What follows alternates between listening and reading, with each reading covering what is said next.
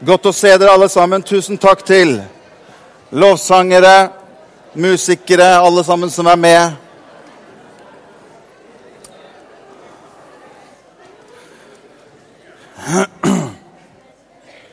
Jeg syns jeg så for meg han der fyren som løper ned på den gressmatta, litt sånn småsvett. Jeg ser for meg en sånn småbleik med disse her, disse her Ja, jeg skal ikke gå inn på det. Vi tar det siden. Har dere det bra? Jesus lever. Vi skal eh, fortsette å dele litt fra det vi eh, begynte på, på forrige søndag. Eh, jeg har bare lyst til å, å oppfordre, inspirere, oppmuntre dere til å bli med på, på Bli-samlingen som vi har i kveld. Jeg kjenner i mitt hjerte at det kommer til å bli en bra kveld i kveld. Så kom og, og, og, bli med på den samlingen i kveld. Der har vi bønn, lovprisning, inspirasjon. Så få din ettermiddagslur. Ta kaffen litt tidligere. Og så setter du deg i bilen og så blir du med i kveld. og La oss få lov til å komme inn i Guds nærhet i kveld og være med å be for bygdene våre. La oss være med og be for områdene våre. Og jeg har et ord i kveld som jeg gleder meg til å dele med dere. Som på en måte kompletterer noe av de to søndagene som jeg har hatt her. Veldig spennende, veldig interessant. Jeg gleder meg til å høre meg sjøl Nei, det blir veldig feil. Det blir veldig feil. Men jeg gleder, jeg gleder meg til dere får hørt hva jeg har på hjertet mitt for, for i kveld. Så kom forventningsfull til, til møtet i kveld. Jeg har noe jeg ønsker å dele fra mitt hjerte rundt disse tingene her. Jeg tror Gud kaller på deg og meg, jeg tror Gud kaller på denne kirken til å nå videre ut nå mennesker er med evangeliet, med det budskapet som du og jeg har fått tak på. Den beste gaven du og jeg kan gi mennesker i dag, det er å få kontakt med Jesus Kristus. Jeg håper du var enig i det. Bra. Vi skal dele litt sammen. Jeg begynte jo forrige søndag som, i disse to delene som jeg har kalt for 'ansiktet vendt utover'. Dette var jo noe som vi følte, både jeg og lederskapet som kom på en måte over oss i fjor. Og vi opplever at Herren på en måte hva skal vi si, eh, banker litt på døra vår og sier at vet du hva, dere, dere, må, dere må komme dere ut. Dere kan ikke bare bli sittende inne jeg skal komme litt tilbake på det. Dere kan ikke bare bli sittende inne med det gode budskapet som dere har fått. Det er en hel verden som går fortapt, og jeg er avhengig og trenger at dere er med og deler dette budskapet med mange mange flere mennesker. Og Det er det som ligger på en måte som hjertet bak noe av det som ønsker å dele. Så Jeg delte i forrige søndag rundt dette med misjonsbefalingen, som veldig mange av oss kan. Dette med å gå ut i hele verden og forkynne evangeliet. Og så snakket vi litt om hvem gjelder dette budskapet til? Jo, det gjelder Ja, det var én søster her. Gud velsigne deg, søster, som har fått med seg budskapet. Det gjelder alle. Alle har fått denne beskjeden. Du skjønner, Noen tror at ja, men, ja, men er ikke det pastorens jobb, da? Er det ikke hans jobb å, å, å gå ut og, og, og, frelse mennesker? Nei. Det, det, rare er jo at det er en del pastorer som tror at det er jo deres jobb til å gå ut og, og frelse mennesker. Og så sitter man og, si, og venter på hverandre. Men hør, det er alles befaling. Han sa det er ikke sånn at hvis du føler for det eller du tenker på det, eller hvis du skulle falle deg inn, så gå ut i all verden. Han sa nei, gå ut, sa han, i all verden og forkynn evangeliet. Det gjelder alle. Hvor er min verden? Jo, det er der hvor jeg er i min hverdag. Jeg greier ikke å nå hele verden, men jeg kan være der hvor jeg er. I min verden. På arbeidet, på skole, på universitetet, i klasserommet, i nabolaget. Der hvor jeg har min verden, der har Gud satt meg for å være noe som kan være med å vitne om Han. Hvordan skal vi gjøre dette her? Jo, Gud gjennom sin visdom snakket vi om forrige søndag, har gjort det slik at det er å dele ordet om korset. Det er den enkle forkynnelsen av evangeliet. Og det er noen nøkler her som jeg tror vi skal komme litt inn på i dag som, og dele litt mer om. Og så sa vi forrige søndag at det er et privilegium å kunne få lov til å ha det kallet at han tiltror meg muligheten til å kunne dele om han til andre mennesker. Det er en ære, og det er det som bør ligge i bønnen vår, hver enkelt, og som menighet. Herre, takk for at du kan bruke meg i et så viktig ærend av å være med å dele deg med andre mennesker. det er et privilegium. Amen. Så Vi skal gå videre i formiddag. Vi skal eh, ta utgangspunkt i det som Paulus skriver til kolosserne. Fra, vers, nei, fra kapittel 4 og fra vers 3 til 6 så har jeg noe jeg har lyst til å dele med dere i formiddag. Er du klar? Kolosserne kapittel 4 og fra vers 3 til 6, der står det, skriver Paulus. Be også for oss at Gud vil åpne en dør for ordet, så vi kan tale Kristi mysterium. Det som jeg også er i lenker for, så jeg kan åpenbare det på den måten jeg bør tale. Og så sier Paulus noe litt interessant. Vandre viselig overfor dem som er utenfor, sier han. Og kjøp den laglige tid. Deres tale må alltid være vennlig, sier Paulus. Krydret med salt slik at dere kan vite hvordan dere bør svare hver enkelt. Jeg, jeg, husker, jeg, husker, Jonathan Det er ikke mer enn 14 dager siden. Nei, det er, ikke, det er mye lenger, Jonathan. Det her er når du var liten gutt. Jeg husker Jonathan han kom hjem. han hadde vært borte hos, eh, når vi, når vi flytta til Røyken, så var det massevis av gutter i nabolaget. Og En dag så, så var vi ute, var på sommeren, så kom Jonathan tilbake. Vi skulle spise ute, hadde grilla, og så kom Jonathan tilbake. Og han var så fornøyd. Og så kom han, vet du, pappa, vet du hva? Nå har jeg fått en av de gutta borti nabolaget nå har, jeg fått, nå har jeg fått han fra å tro på djevelen til ikke å tro på noen ting.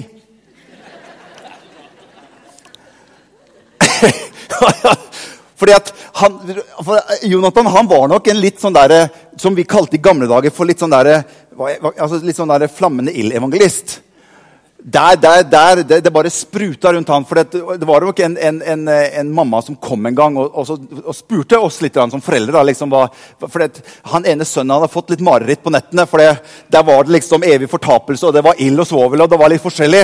Så, så, han hadde liksom vært i nabolaget og, på en måte, og, og snakket litt med gutta.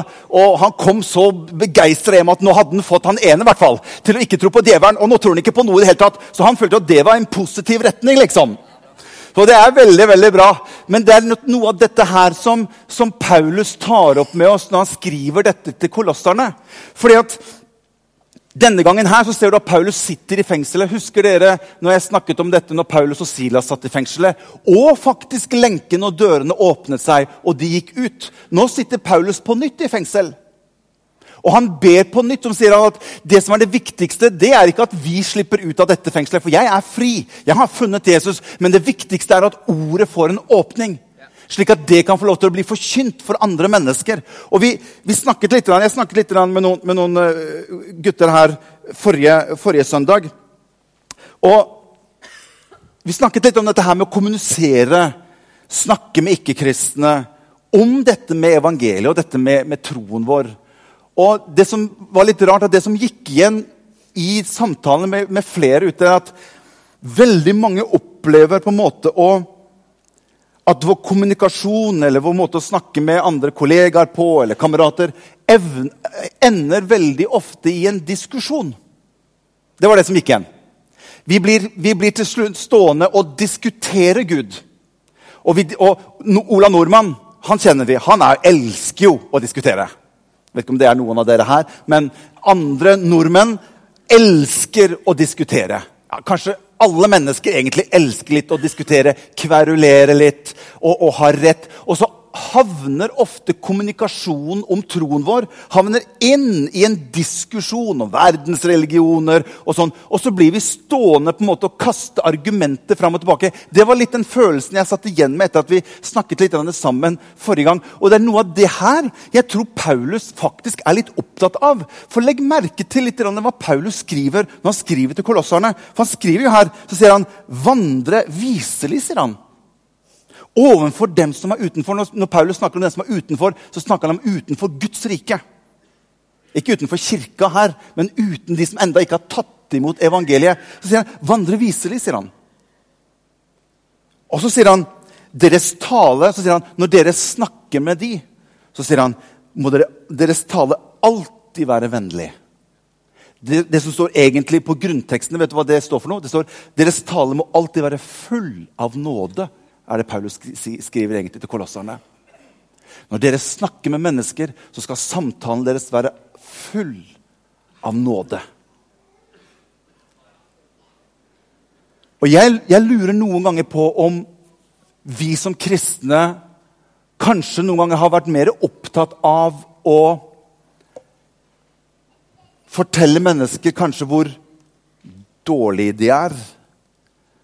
Hvor, hvor, hvor mye galt de gjør. Litt den huff-huff-kommunikasjon. Det kan ikke holde på sånn, det kan ikke gjøre sånn, det er ikke bra å gjøre sånn. Og det har på en måte blitt kommunikasjonen vår mot de som Paulus definerer som er utenfor. Når Paulus sier at når dere snakker med de som er utenfor, så skal deres ord være full av nåde. Og det er noe av det jeg tror kanskje er nøkkelen i kommunikasjonen vår.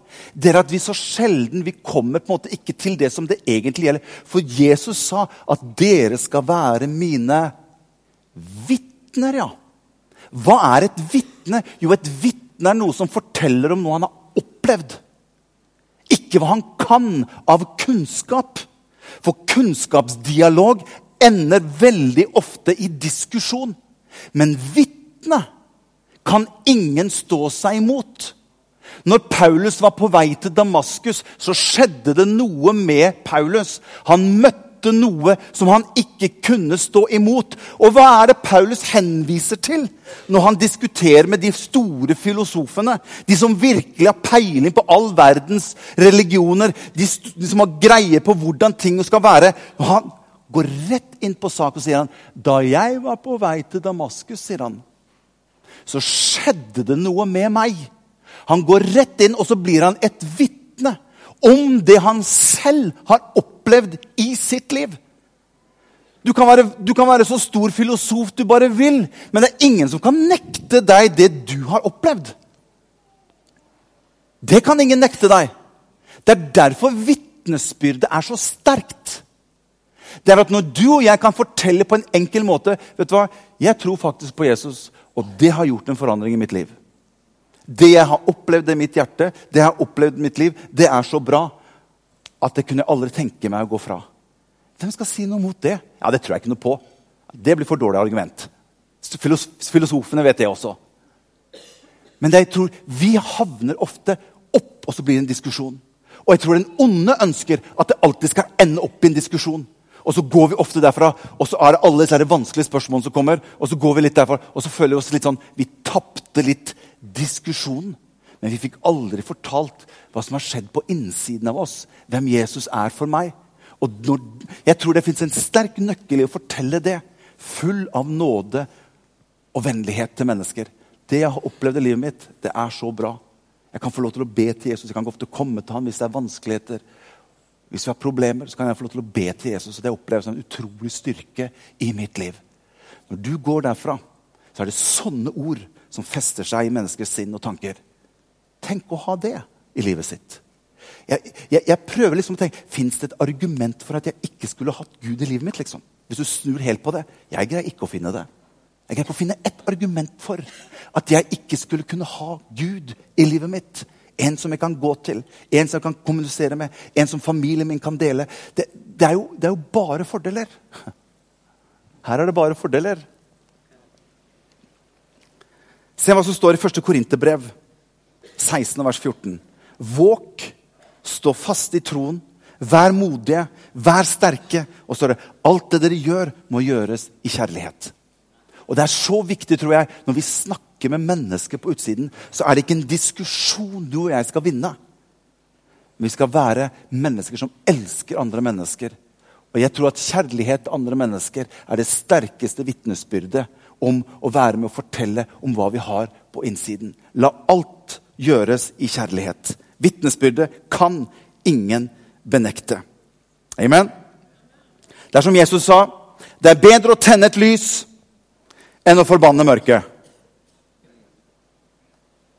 Jesus har aldri sagt det, bare sånn by the way. Skulle bare sjekke om det var noen som var våkne her. ja, du Det er Confucius som har sagt det. Men det er godt sagt. det var det som var poenget. Det er godt sagt. Det er bedre å tenne et lys enn å forbanne mørket. Noen ganger så tror jeg vi har vært mer opptatt av mørket enn å kunne få lov til å være der og tenne lys for mennesker. Amen. Skal, vi, skal, vi, skal, ta et skriftsted til. Johannes kapittel 9 og vers 1. Fordi Jeg tror det er utrolig viktig for hvordan du og jeg ser på mennesker på, som er utenfor, som Paulus kaller for. Vi, vi sang en sang i gamle dager 'innenfor' eller 'utenfor'. Husker, er, det noen som, er det noen som husker den sangen her? Få se en hånd. Hvem er det som husker den sangen? Bare se hvor mange her er. Det er ikke så veldig mange, men det er noen. Jeg husker også den sangen. 'Innenfor eller utenfor'. Hvor skal du stå en gang? Var det sånn, noenlunde sånn? Hvor skal du Ja, er noe, noe rundt der. Problemet noen ganger er at vi har på en måte bare vært innenfor. Og så har vi på en måte bare sunget ut. Og på en måte hatt en kommunikasjon innenfor eller utenfor. Hvor skal du bli? Hvor, hvor, skal du være en gang? Og det er noe av dette som jeg har lyst til å si bare litt om som den siste delen av, av, av denne del to. Jeg har lyst til å ta deg med til Jesus og disiplene hans. For jeg tror det er utrolig viktig på hvordan du og jeg ser på kameratene våre. Hvordan vi ser på mennesker rundt oss, hvordan vi ser på samfunnet rundt oss. Men hvilke øyne ser vi? Og det er her jeg tror vi har noe å lære fra Jesus. Johannes kapittel 9 og vers 1. Da Jesus gikk videre, fikk han øye på en mann som hadde vært blind fra fødselen av. Disiplene hans spurte han og sa, 'Rabbi, hvem har syndet?' 'Denne mannen eller hans foreldre?'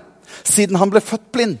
Jesus svarte, 'Verken denne mannen eller hans foreldre har syndet,' 'men dette skjedde for at Guds gjerninger skulle bli åpenbart på ham.' Se hva som skjer her.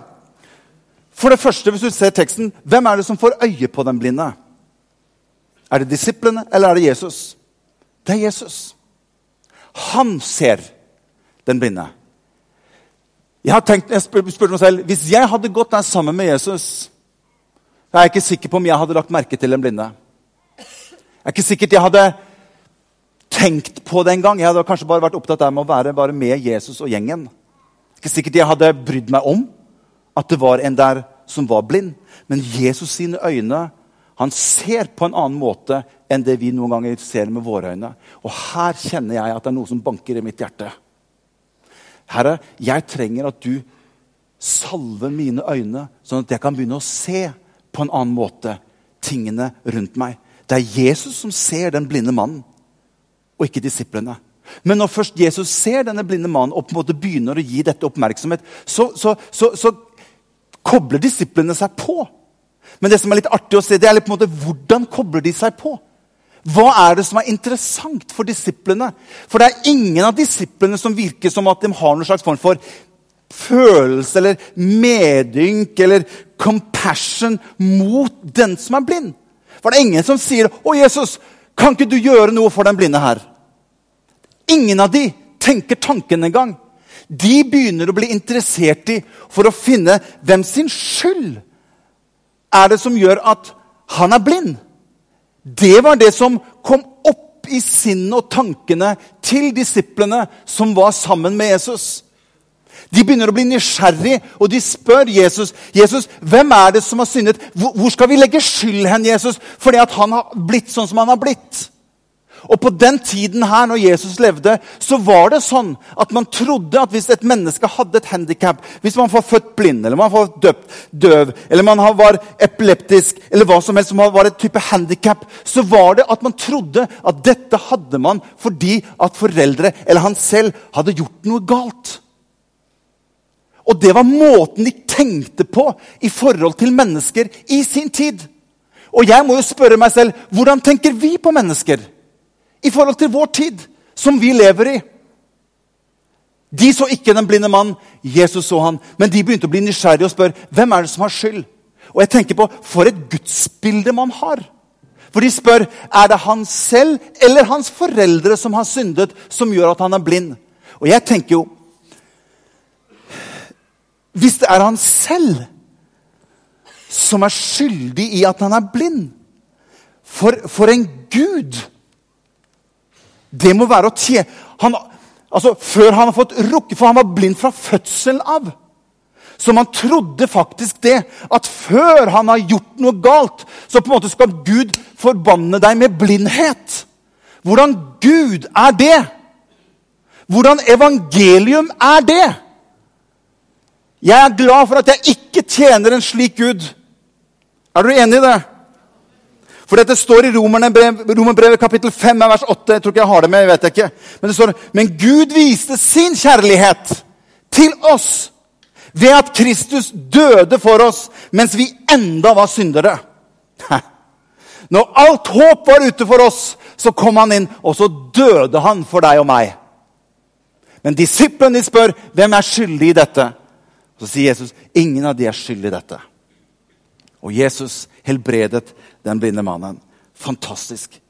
Jeg trenger hjelp av Gud til at han kan få lov til å gjøre noe med øynene mine. Og at det ikke er måter jeg oppfatter samfunnet og mennesker rundt meg som gjør at jeg ikke ser. At ikke jeg ser de mulighetene som Gud ser rundt meg. At jeg kan få øyne som kan se inn i situasjoner. At Den hellige ånd kan hjelpe meg til å være med å treffe inn i menneskers liv med det budskapet som jeg har fått. Er dere her, folkens? Amen. Dette er bra. Vi skal ha ett skriftsted til slutt. Jeg har bare lyst til å dele en ting til slutt som jeg synes er litt interessant. Vi skal gå til Lukas kapittel 14. Lukas kapittel 14. At det er en festlig, en festlig sammenkomst. Dette også viser noe av disiplenes hjerte i forhold til det å være sammen med Jesus. Jeg lurer på hvor mange ganger disiplene måtte følt seg liksom sånn der, Der, Der bomma vi igjen. Ah. For når Jesus liksom snakka liksom til dem, så var det ja, eh, jo, jo, vi skjønner jo det. Ah, der var vi liksom litt snar ute igjen med å, liksom, å henge oss på og skulle være med i dialogen. Og så bare er det et sånn totalbom om igjen og om igjen. Men Jesus tar med gutta. vet du hva? Dere er sammen med meg for å lære. Dere er sammen med meg for at dere kan få lov til å se hvordan jeg gjør det.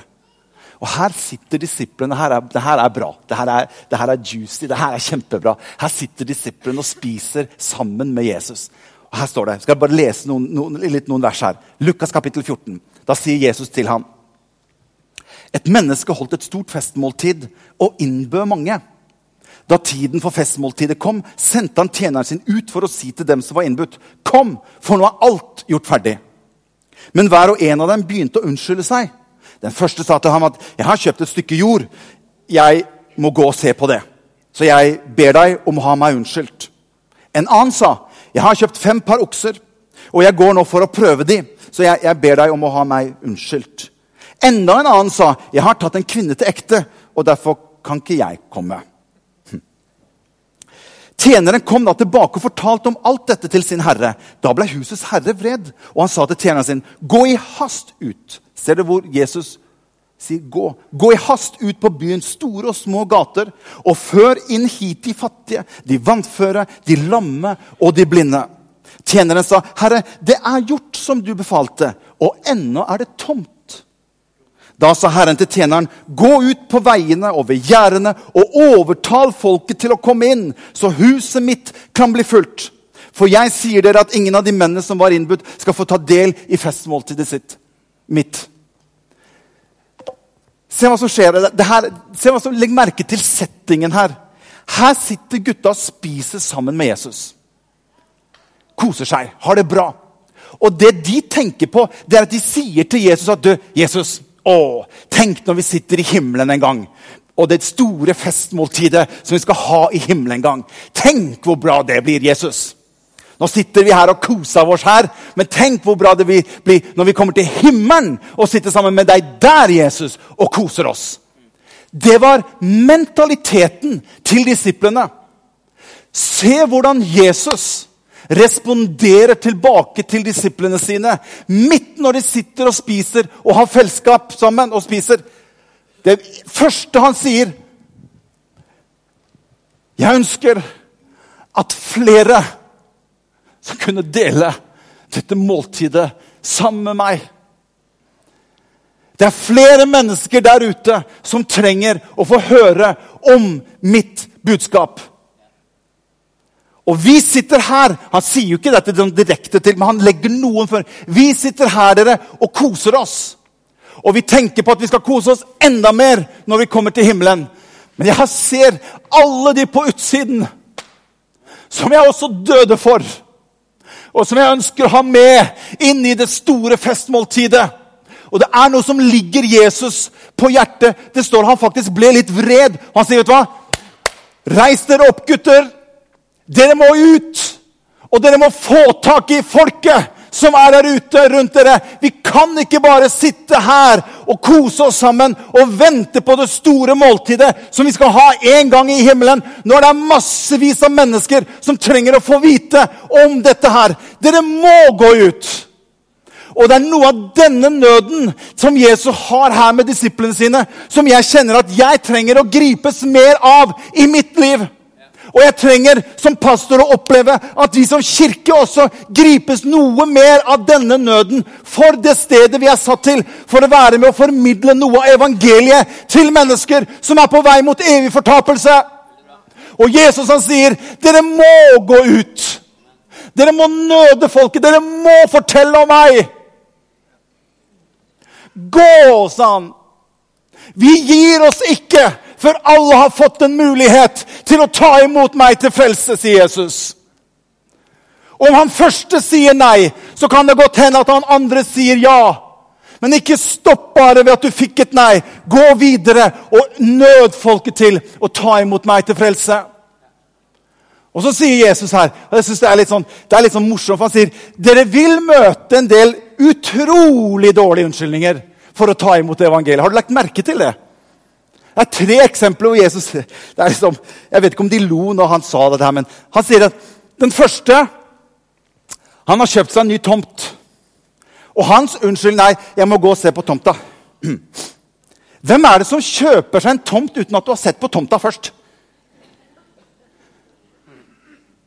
Det var, det var, det var unnskyldning til han første. Så du, du må ha meg unnskyldt.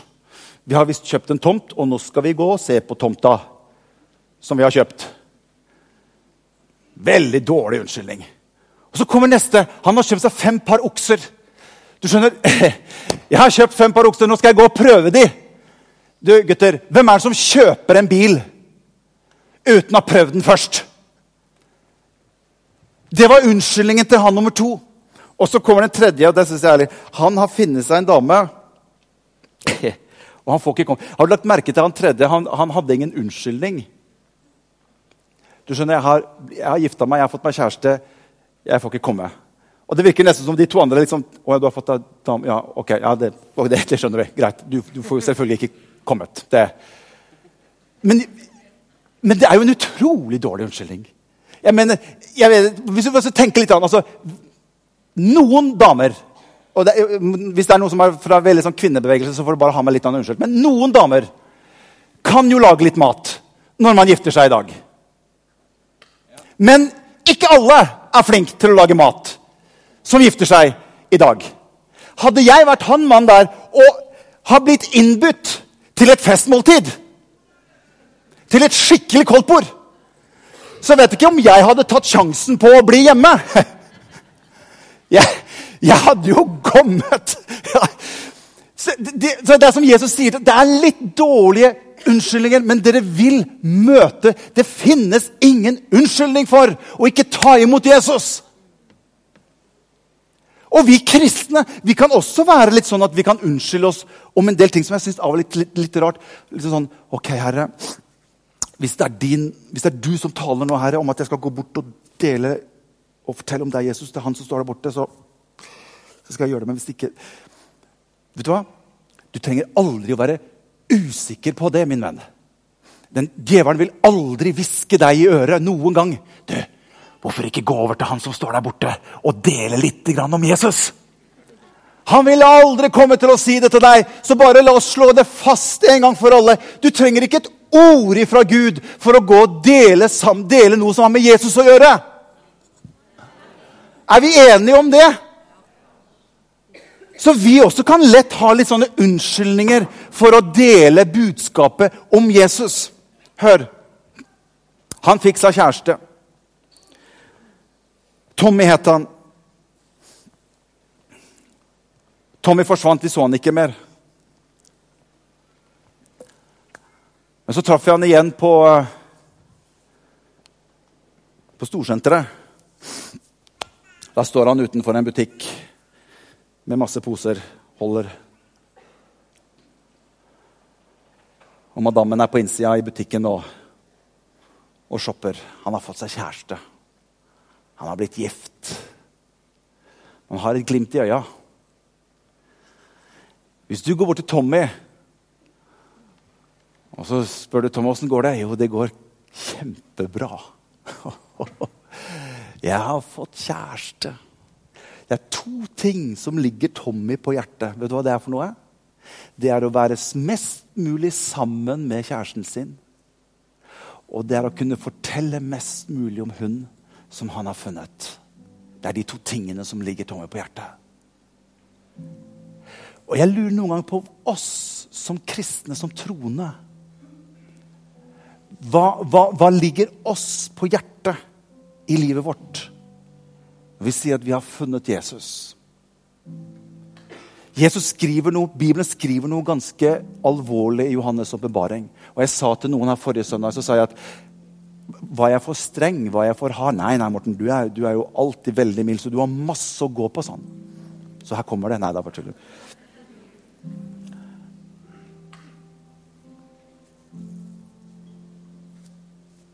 Det står i Johannes' åpenbaring så står det at 'jeg har imot deg' at du har mistet den første kjærligheten.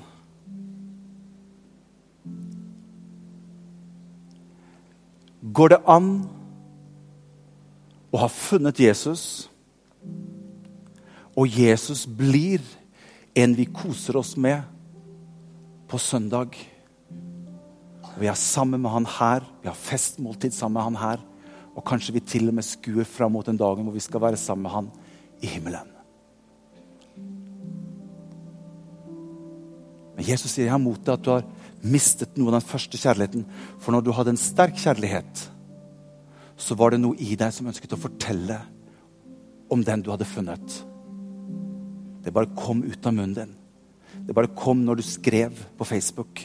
Det bare kom når du tok Snapchat eller sendte Snapchat. Det bare kom når du sendte Instagram. Det var bare noe som brant i ditt hjerte. For du hadde en kjærlighet. Og Jesus sier til og med at jeg vil heller at du er kald eller varm.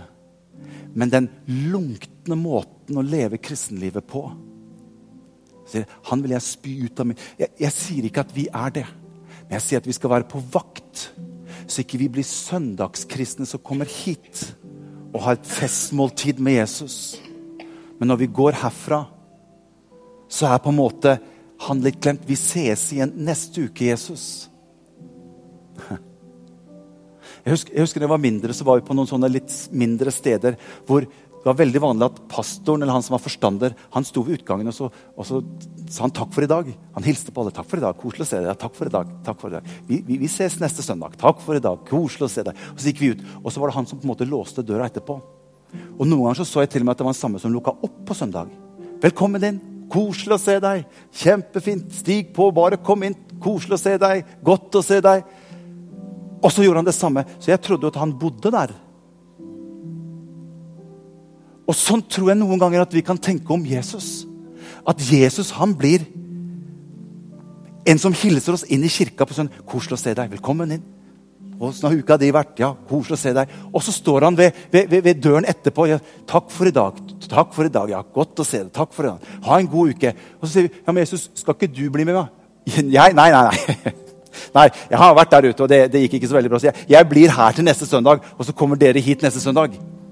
Sånn kan kristenlivet vårt bli lite grann? Jeg vil at vi skal reise oss opp alle sammen. Lovsangerne kan få lov til å komme opp.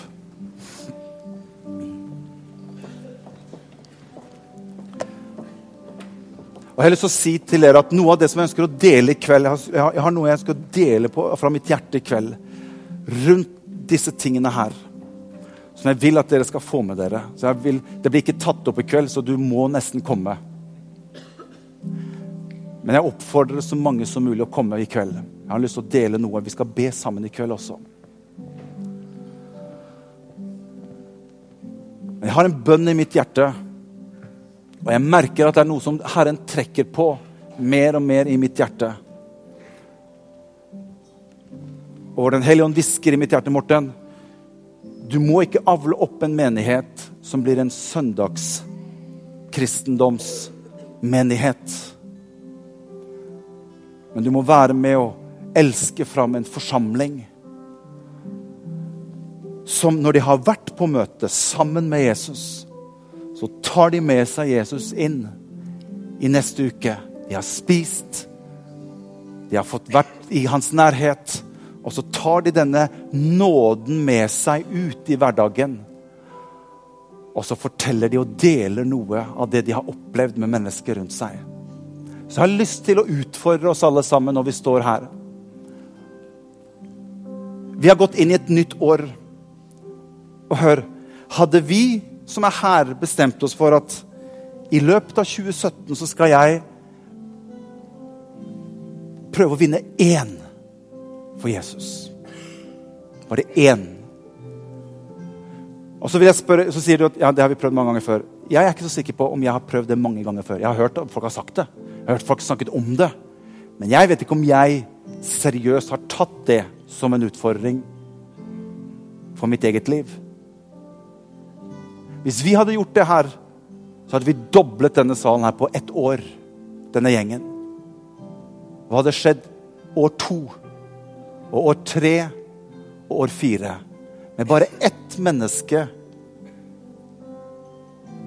i året.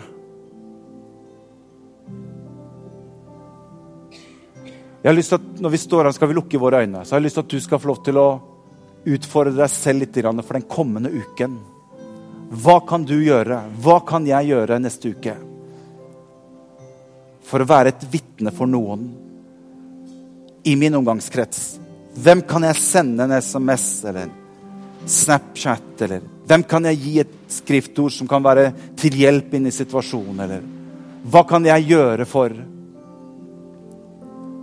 å være et vitne denne neste uken?